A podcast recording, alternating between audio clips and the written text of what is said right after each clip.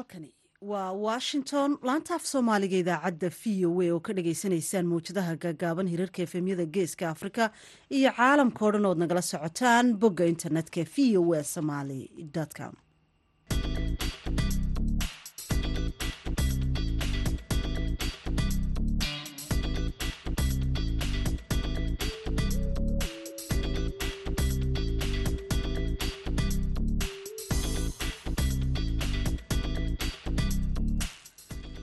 duhur wanaagsan akhyaartana dhegaysanaysaay waa jimce sebtembar waa shan iyo toban sanadka labada kun iyo saddexiyo labaatanka. Afrikada bari saacaddu waa kowdii iyo barhkii duhurnimo. Waxaana idaacadda duhurnimo idinla socotiinaya anigoo ah sahre ciidla nuur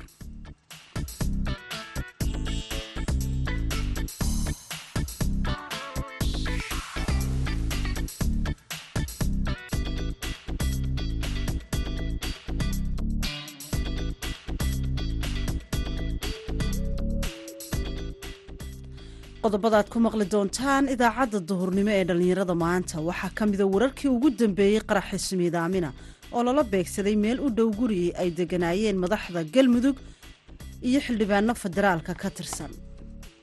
Adeeru hadee dhaktaro ma ogaan karaa kolleyda hadee wax kale ima gaarin socotoonkana de waa la ogaan doonaa.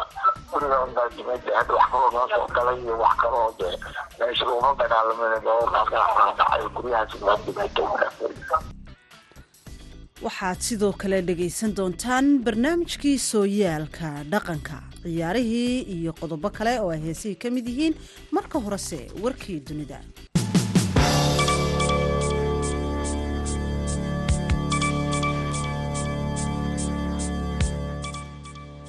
dowladda waddanka jamhuuriyadda dimuqraadiga ee kongo ayaa mar kale ku celisay dhawaaqooda ku aadan masiibo biniaadaminimo oo ka dhalatay waxa ay ugu yeedheen gardarro qaawan oo ay dalkooda ka wado dalka ruwanda wasiirka isgaadhsiinta batrick mamuya iyo wasiirka cadaaladda rose matambo ayaa shir jaraa-id oo ay ku qabteen caasimadda waddankaasi waxay ku soo bandhigeen cabashadooda ka dhankaa xukuumadda kigaali maalmo uun ka hor inta uu kulanka guud ee qaramada midoobay toddobaadka dambe furmayo. Waxaanay baaqan ay ku celiyeen in ay taageerto dowladda waddanka ruwanda jabhadda ama falaagada loogu magacaabo m ee tuutsigu hogaamiyo taasi oo xukuumadda kigaali marar badan ay beenisay eedahaasi ciidamada ayaa la sheegay in ay qabsadeen dhul ballaadhan oo ku yaalla waqooyiga kiivo oo ku yaalla xuduudka labada dal wadaagaan tan iyo sannadkii labadii kun iyo koob iyo labaatanka dabayaaqadiisii markii la sheegay in jabhaddaasi ay bilowday dhaqdhaqaaqyo hubaysan iyada oo la sheegay in aanay wax qalalaase ah sameynin sanadihii ka horreeyey wasiiradu waxay intaasi ku dareen in iska horimaadyadaasi ay ku qasbeen in ka badan laba milyan oo qof ku dhowaad laba milyan iyo bar qof in ay dalkaasi ka qaxaan amaba ay guryahoodii ka cararaan. Kuwaasi oo badankoodu ay galeen dalalka dariska la-ah iyadoo boqolaal dugsi iyo goobo kale oo dadweynena la burburiyey. Madaxweynaha dalka dominican republic ayaa ku dhawaaqay inuu xiri doono dhammaan xuduudaha ay la wadaagaan dalka ay dariska yihiin haiti laga bilaabo subaxnimada saaka oo jimcaha kadib khilaaf ka dhashay kanaalka webiga haiti a u isticmaasho biyaha oo ku teedsan xadka ay wadaagaan labada dal. Xuduudda hawada badda dhulka iyo cirka ayay sheegeen in lagu wado in la xidho subaxnimada saaka lixda subaxnimo marka ay tahay xilliga dalkaasi maanta oo jimcaha waxaanay ahaan doonaan kuwo xaniban sida uu sheegay madaxweynuhu ilaa amar dambe ka soo baxayo. Madaxweynaha dalkaasi jamhuuriyadda demonica louis abinar ayaa la sheegay in uu sidoo kale labaatan baabuur oo kuwa dagaalkaa geeyay xero ciidan oo xadka ku taala go'aanadan ayaa yimid kadib markii saraakiisha haiti iyo dominican republic ay yeesheen wadahadallo arbacadii soo bilowday oo ilaa khamiistii shalay socday kuwaasi oo laysku dayay inay xal ka gaadhaan xaaladaasi. Balse wadahadalladaasi oo lagu wado inay sii socdaan ayaan wax natiijo ah ilaa haatan la gaadhin taasina waxa ay keentay. Sida uu madaxweynuhu sheegay go'aankaasi. Intaa dhegeystayaal waxaa ku eeg warkii dunida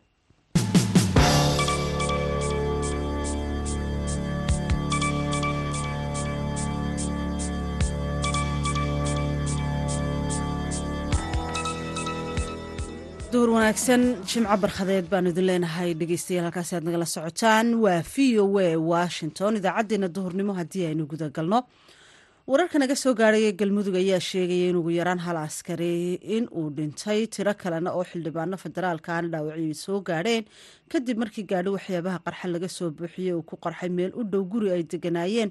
Xildhibaano federaalka ka tirsan iyo madaxda maamul goboleedka galmudug oo ku yaalla deegaanka laasgacmey ee duleedka magaalada bacaadweyn ee maamulka galmudug xildhibaan cabdisalaan dhabancad oo ka mid ah raggii ku sugnaa meel u dhow halka qaraxaasi ka dhacay ayaa v o eda u sheegay in gurigaasi uu ku soo dumay dadkii ku noolaa kadib markii qaraxaasi uu sababay burburkaasi. Waxaana dhintay mas'uuliyiin sida wararka ay nagu soo gaadhayaan. Haddaba xildhibaanka ayaa khadka telefoonka ugu waramay cabdiqaadir maxamed cabdulle oo ku sugan magaalada muqdisho. Waa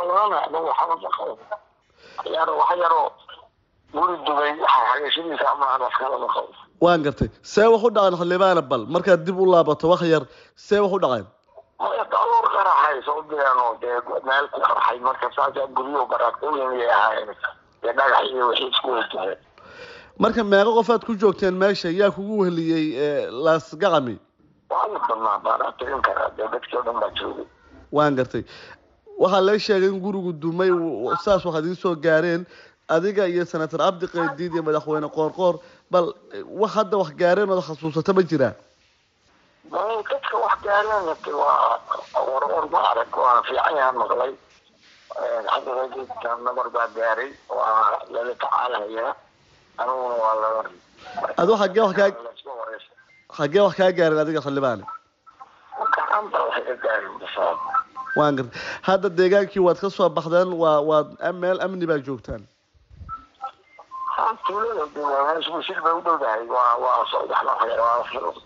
Labaatan iyo shan daqiiqo loo soconayo marka waa waa arki doonaa wax kale tabar u ahaayo magaalada dhex istaago marka guryahaasa dumay marka inta ku gaaray wax dhintayna ma maqal. Marka dee nabaro iyo firyada iyo gaaladooda ka dhacaya marka waxa hadda idin gaaray adiga iyo senatarka iyo intaad ogtahay waa uun guriga dumay ee qaraxa waxyaala idinma gaarsiin. Adeero hadee dhaktaro ma ogaan karaa kolleyda dee wax ima gaarin sabatoorkana dee waa la ogaan doonaa. Guriga unbaa dumay dee hadda wax kaloo noo soo galay iyo wax kaloo dee meesha looma dagaalamin dhacay guryahaas unbaa dumay inkastoo aan dareemaya xanuunka iyo waktiga hore socoto aad aada noola hadasho ood kaaga mahadnaqayna v o e da laakiin hadda dhaawac adigu aad qabteen gacanta kaa soo gaaray waa burburkii guriga iyo aada is leedahay ma ma ahan baad leedahay qaraxa gaariga wax weyn maaha farax gaariga daanibadhoomiyankuni guriga unbaa dubiyay oo dee dabaysha uu ridayo oo sida wax ku qarxiyaan dee tabar kale ma ay hayn marka gurigaa dumay iyo wixii xadhidki iyo wixii iyo wixii dhagaxa iyo jiikadaha iyo waxaasaa dadka wax gaarsiinayay marka anigu waxa waye ma gaarin senatoorkana dee ma ogeyn si wax u gaareen laakiin de isagu waa xoogaa waa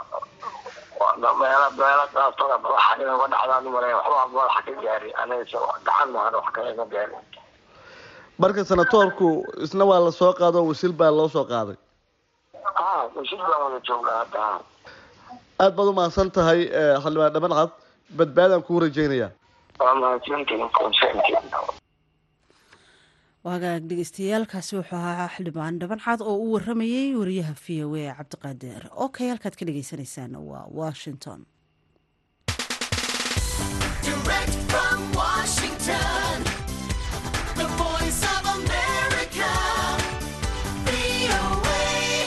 Haatana ku soo dhowaada barnaamijkii aad jimco kasta xilligan oo kala dhegaysanayseen ee sooyaalka dhaqanka. Waxaa inoo haya haashim sheekh cumar good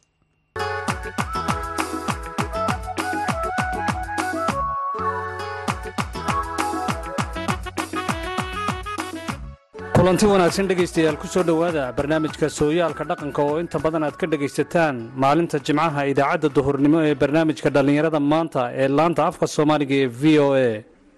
Barnaamijka sooyaalka dhaqanka ee toddobaadkan waxaan ku soo qaadan doonaa kaalintii dumarka soomaaliyeed ay ku lahaayeen sooyaalkii dhaqanka ee soomaalida waxaana inoogu marti ah faadumo ibraahim ismaaciil oo ku nool magaalada hargeysa oo aan ku waraysay khadka telefoonka. Ugu horreyn waxay ka sheekayn doontaa faadumo sida uu ahaa dhaqankii soomaalida ee ay soo gaadhay iyo kaalinta ay dumarku ku lahaayeen sooyaalka dhaqanka ee soomaalida. Horta aad baad u mahadsan tahay haashin sheekh cumar good iyo idaacadda o a dhammaantiin waan idin salaamay. Waxaan aada ugu faraxsanahay barnaamijka dhaqanka ee ka baxa jimcaha. Idaacadda c o a maanta ikowa farxad gaara iyo meel baan ku suntayaa. Marka horta dhaqanku wuu farabadnaa markaynu dhaqankii soomaaliga eegno marka horta dhaqanka kadinka laga galaa wuxuu ahaa isbaraarujin.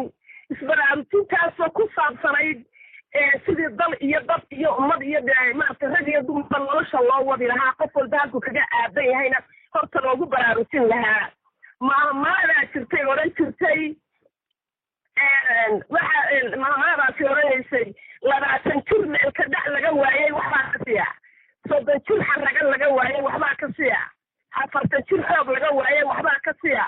konton jir kale laga waayey waxbaa ka siya. lixdan jir lexejecle laga waayey waxbaa ka siya. toddobaatan jir masaajidka laga abi waayey waxbaa ka siya. sideetan jir sana laga abi waayey waxbaa ka siya. macnaa waa inta tamarin karto. iyaa lagu lahaa nolosha adduunyada wax ku soo daro wax ku soo biidi haddaba haddaan kuu intii maaragtay dumarku kaalintii ay kaga aadanaayeen maaragtay nolosha guryaha horta waa kow marka hore ilan bay ahayd oo maxaan ku idhahdaye ila timo tabcan oo loo hawen yahay bay ahayd oo mahmaadaa tidhaahdaa dumarku waa saddex labaatanaad labaatan maaragtay inanoo waa loo de waa laga wada xishoodaayo nin walba uu guraynaya u xishoodinayaa weji dhigo waa intaasoo aan kuu garaaye labaatanna waa dhalooyo oo waxaa la yidhahdaa umusha ka banya maxaan ku idhahdaye maaragtay kaweecda caruurtay wax siinaysaa dee waxaa la yidhahdaa markaas sidoo kale waa iskuol bahri oo meel fadhiya. Oo maaragtay iyadiibaba iskuola marna waxaa la yidhaha waa labaatanna waxaa la yidhi waa ilmo helan hooyadood lixdanna ama hadday gaadha islaamtu waa waxay noqonaysaa ilmo helan hooyadood marka yani islaam ballaarana waxay noqonaysaa dee sobahoho inankii ay sobahoga wahayd iyo maaragtay inankii inanteeda qabay oo ay dee u tahay. Inankeeda inanta soo guursaday oo u badan tahay ay sobah u tahay marka horta haddaynu dhaqanka kadinkiisa galla kama gayoonayno haddaba haddii aynu ku horeyno mar kale aynu dib ugu noqono aan u jeedaa barnaamijkan dhaqanka halkii ay dumarka guryaha kaga aadanaayeen. Waxaad ka sheekaysay kaalintii hooyada iyo haweenku ay ku lahayd bulshada dhexdeeda soomaaliyeed dhaqankii hore. Hooyadu waxay ahayd barbaariyaha ubadkana way ahayd siday ubadka u barbaarin jirtay hooyadu gaar ahaan gabdhaha iyo wiilasha ay hooyada u tahay? Horta hooyadu dee waxa weeyaan yani salballaar bay ahayd. Hooyo maaragtay dibad wareega may ahayn oo maanta dee bari suuq ka raadinaysa hooyo maaragtay iyada loo xil qabo oo maaragtay hadday baahantahay hadday dhergsantayba horta odageeda wax ka sugaysa bay ahayd. Midda labaad ubadka ay soo saartaana ubad asluubla ayay ahaayeenoo. Dee ubad hooyadood korisay ayay ahaayeen. Hadday xitaa hooyadood dhimatayna hooyo kalun baa korinaysay oo gacanta ku haysay oo dibad uga baxay. Intay maqnaayeen waa ama iskuolka ku maqnaayeen ama ay xoolaha ku maqnaayeen. Markay soo galaanna xitaa kelmad khalad ah. Wallahi aanaan odhan jirin berigii aana joognay miyiga haashino. Waxa waxaa ku samee magaalun baan ugu nimid. Annaga dhulka iyagaa lamaba aqoonba waxaa yidhi iminka dhaqankii waad aragto waa ka isbedelay xitaa iminka dhamaankii la kufsanayo annagu rag waaweyn baan xoolaha la raacayna iminkaan isweydiiyaan idhahdana horta inamadaasi xitaa waxaan dumarka mabay aqoon marka micnaha hooyadu sida wax u barbaarin jirtay ba ahayd qof walba waxay odhanaysa waxaasi kuugu aadan yahay qof kasta oo waayena waxay dhahaysaa ayeeyuu kuu yahay ku ku dhow iyo ku ka dheer qof kasta oo odaya waxay odhanaysaa awow buu kuu yahay adeer buu kuu yahay dadka waxaa la xasabsiinaya inay ka xishoodaan ubadku hooyadu saasay horta iskuul lahay mar kale dadkii markay miyiga joogeen matal saakaad xoolihii dareerinaysaa sidan oo kale iminka waaba gumadihii horta sidii waad boodaysa beertaad soo haramaynaysa waa kow markaad beerta soo haramayso isla markaaba meeshan waxaa ka baxaysa bahal dacar la yidhaahdo oo waxay bixisaa bahal la yidhahda baaldacar baaldacarkaasi ubax buu sii bixiyaa gunta uu kaga wada jiro malab yari.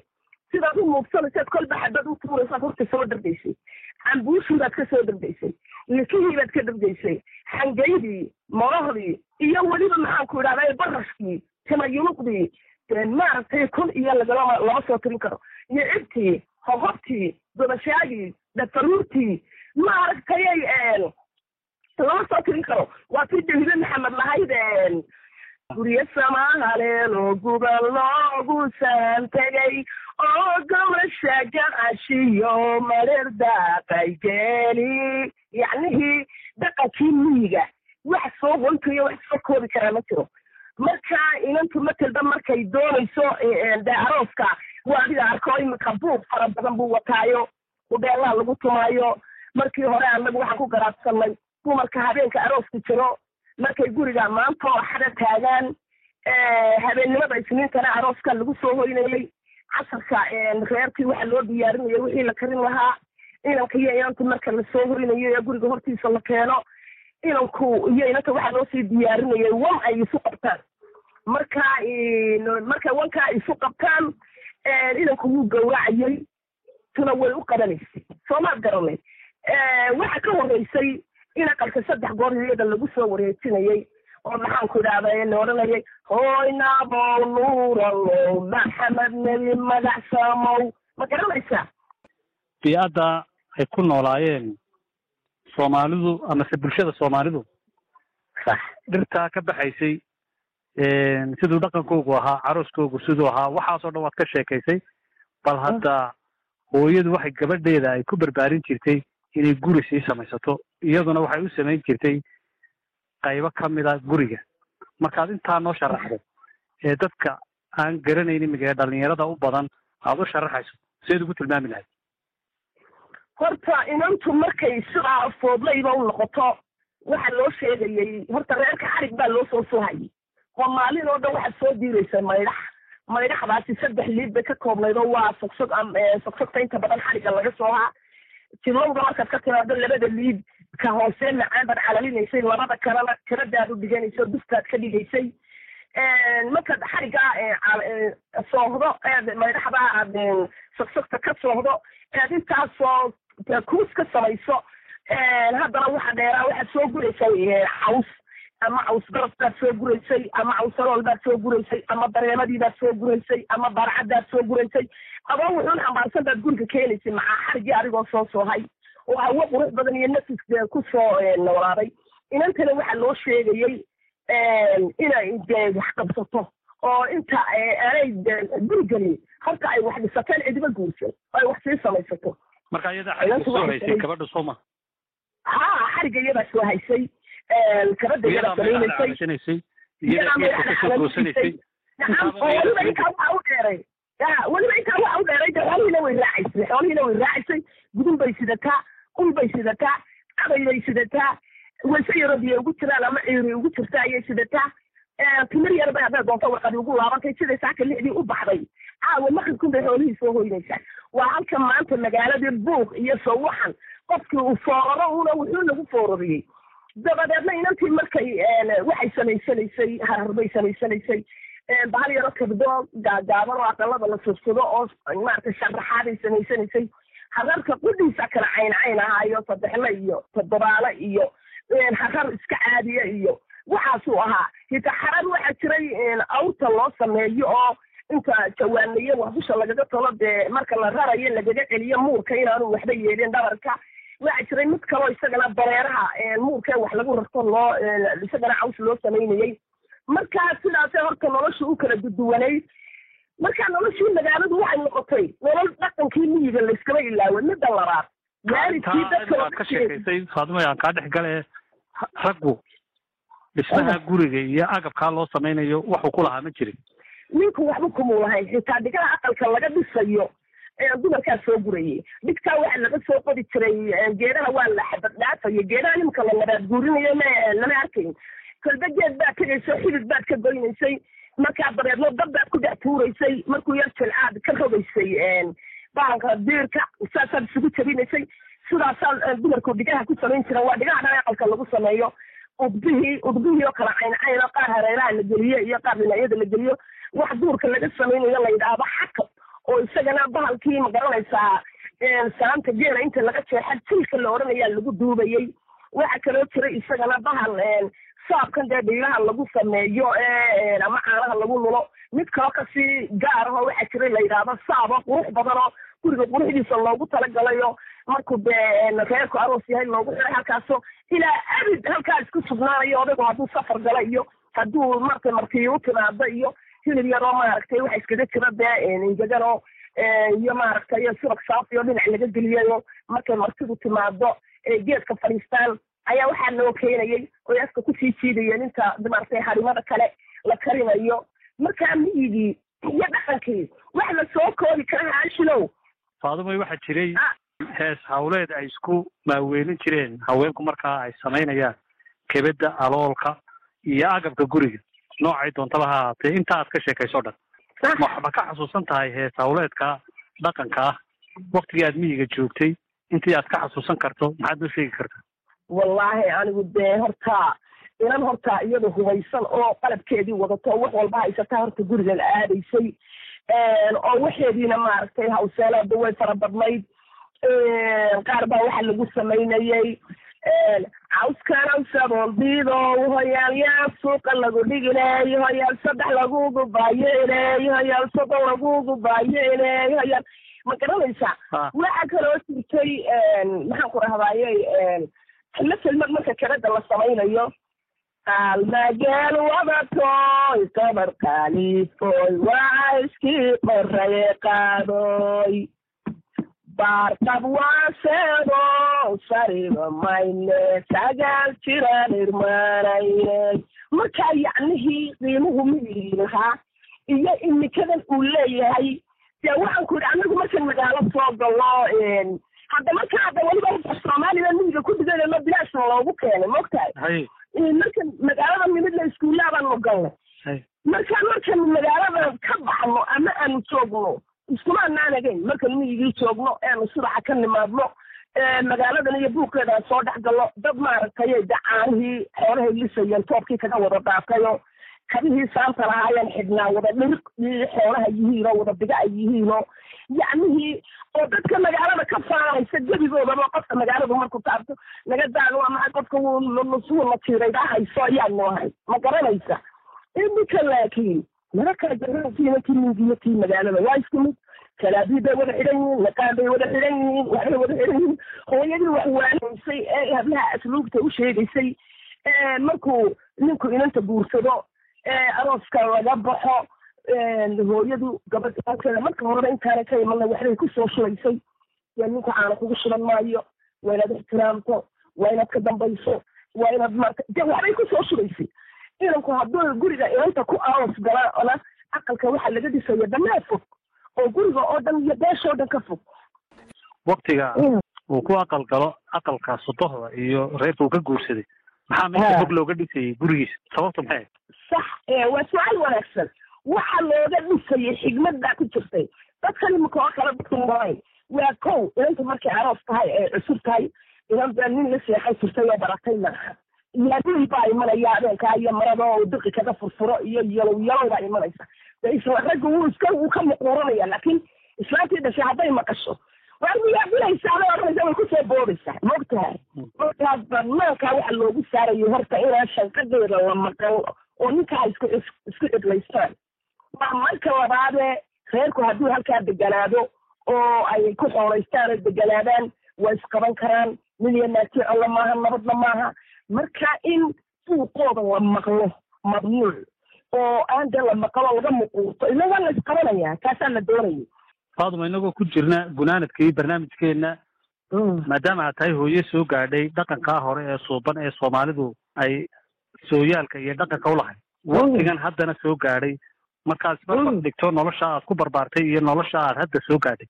Farqiga udhexeeya muxuu yahay horta aan kuu dhamaystira tii hore ee waxa aado ahayd oo dhaqanka soomaalida ka mid ahay meel kastay joogaan reerkaa banaankaa la dejiya xataa hadday isqabtaan oo habeen qayla baxdo looma baxay. Waayo habeenkii waxa la isku dilaya la garanaya ilan muran kaleba habeenkii meesha la yaalla waa kow.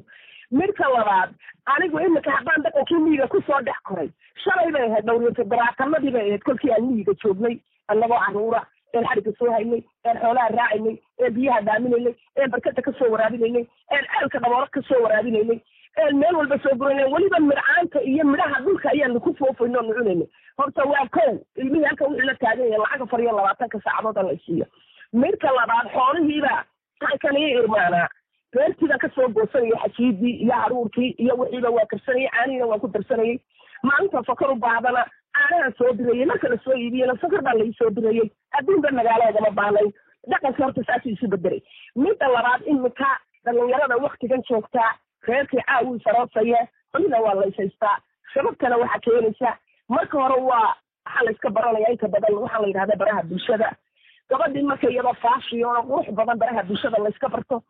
Inankii ila wuxuu bartay qof faashiyon oo qurux badan oo saa'id oo saa'ide ma marka gurigii la tagay caadigii be noloshii la caadi ka bilaabmaysaaye oo wa waxaan la hurayna wuxuu odhanaya in xagga ka timitanay tiiba maaye dabeetana halkaas horta marka ugu horreysana inanka wuu niyadsanaya inan marka lafteeda xikaadoonta hadday doonto isagii niyadsa baa kaga imanayo labadiina ila kolkiiba fashion ahaayeen marka waxa weeye fashion macnaha waxaan kuleeyahay waa afka dambe ee wax lagu fahmo marka waxa weye waa dee si aada laysu dhisaya laysu qurxinaya inantii waxa inanta imika joogtaa inanta manaataraalkeedii huwan ee maxaan ku quruxdeedii huwan ee iyadoo caadiya inan ku barto kamaba xiiso dhigo markay guriga tagtay u labisatana markii walba buyuud si qurux badan bay u sii noqonaysaa midda labaad waxaan ummadda lagu lamaaneeyey ee facebooka la yidhaahdo yaa aniguba anoo miyi koray oo noloshii miyi iyo dhaqankii soo qaatay maantana dhaqankan kama maqni facebookii youtubekii instagramkii maxaan ku dhadhay zoomkii dhammaan aniguba imika casriga waan la socda maad isticmaashaa waan isticmaala oo oo kaale haashi maxaan u isticmaali waaye xaggaa haddii loo socdana waa loo socdaa xaggaa haddii dadku u socdana waa loo socdaa oo dhaqanka labada ilaan dhaqankii labadiba wayna isku xojisood waaniso dadkii oo tidhaahdo naakana waan idinla arkay oo waan gudagalay orana waa ku soo noola intaas waxaynu ku soo gunaanadaynaa kuna soo gebagabaynaynaa barnaamijkeennii sooyaalka dhaqanka. Oo maanta idinkaga imanayay magaalada boorame ee gobolka awdal martina ay noogu ahayd faadumo ibraahim ismaaciil oo ah hooyo soo gaadhay dhaqankii hore ee soomaalida. Kana sheekaynaysay sidii uu ahaa dhaqanku iyo kaalinta ay haweenku kaga jireen dhaqanka sooyaalka soomaalida. Waxaa barnaamijkan idinka soo diyaariyey magaalada boorame ee gobolka awdal anigoo ah haashim sheekh cumar good. Tan iyo kulantideenna dambe waxaa idinkaga tegayaa sidaas iyo nabadgelyo aad buu mahadsan yahay. Hashim oo barnaamijkaasi nala socodsiinaya wakhtiga kooban aynoo hadhay aynu qadarkan heestaa ku nasanno